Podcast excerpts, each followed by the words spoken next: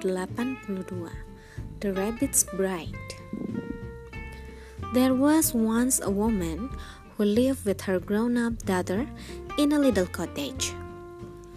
They had a vegetable patch where they grew prize cabbages. But one day a rabbit came and began to eat them all up. The woman was annoyed and said to her daughter, Get rid of that pesky rabbit.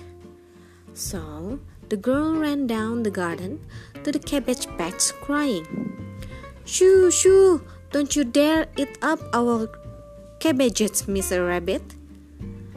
To her surprise, the rabbit didn't scamper away. It turned and spoke to her. My dear, it said, twitching its fine long whiskers, come and live with me in my burrow. Well, I never, said the girl, most put out. The rabbit shrugged and leaped away. The girl stomped back to the cottage. The next day, the rabbit came back, and again the girl ran to the cabbage patch crying, Shoo, shoo, don't you dare eat up all our cabbages, Mr. Rabbit. Well, have you thought about what I said? The rabbit said wiggling his soft tail at her cheekily. Will you come and live with me in my burrow? Certainly not, said the girl in a huff. The rabbit just shrugged and leaped away, and the girl strode back angrily to the cottage. The following day, there was the rabbit again, and for the third time, the girl ran to the cabbage patch, crying, Shoo, shoo! Don't you dare eat up all our cabbages, Mr. Rabbit. So, said the rabbit, winking at her, Are you going to come and live with me in my burrow or not? Suddenly, the girl had an idea. All right, she said. The rabbit beamed. Hop onto my tail and I'll take you there, he said.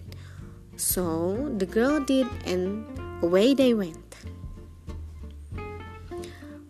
When they reached the burrow, the rabbit let the girl down from his tail and said, Now, you get to work and prepare a feast. I am going to tell all my family and friends the good news and invite them to the wedding. So, the girl began to cook, and the rabbit scuttled away and left her on her own.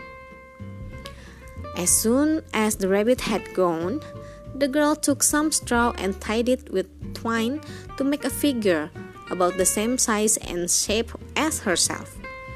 Then she dressed it in her own clothes. Next, she painted a face on it.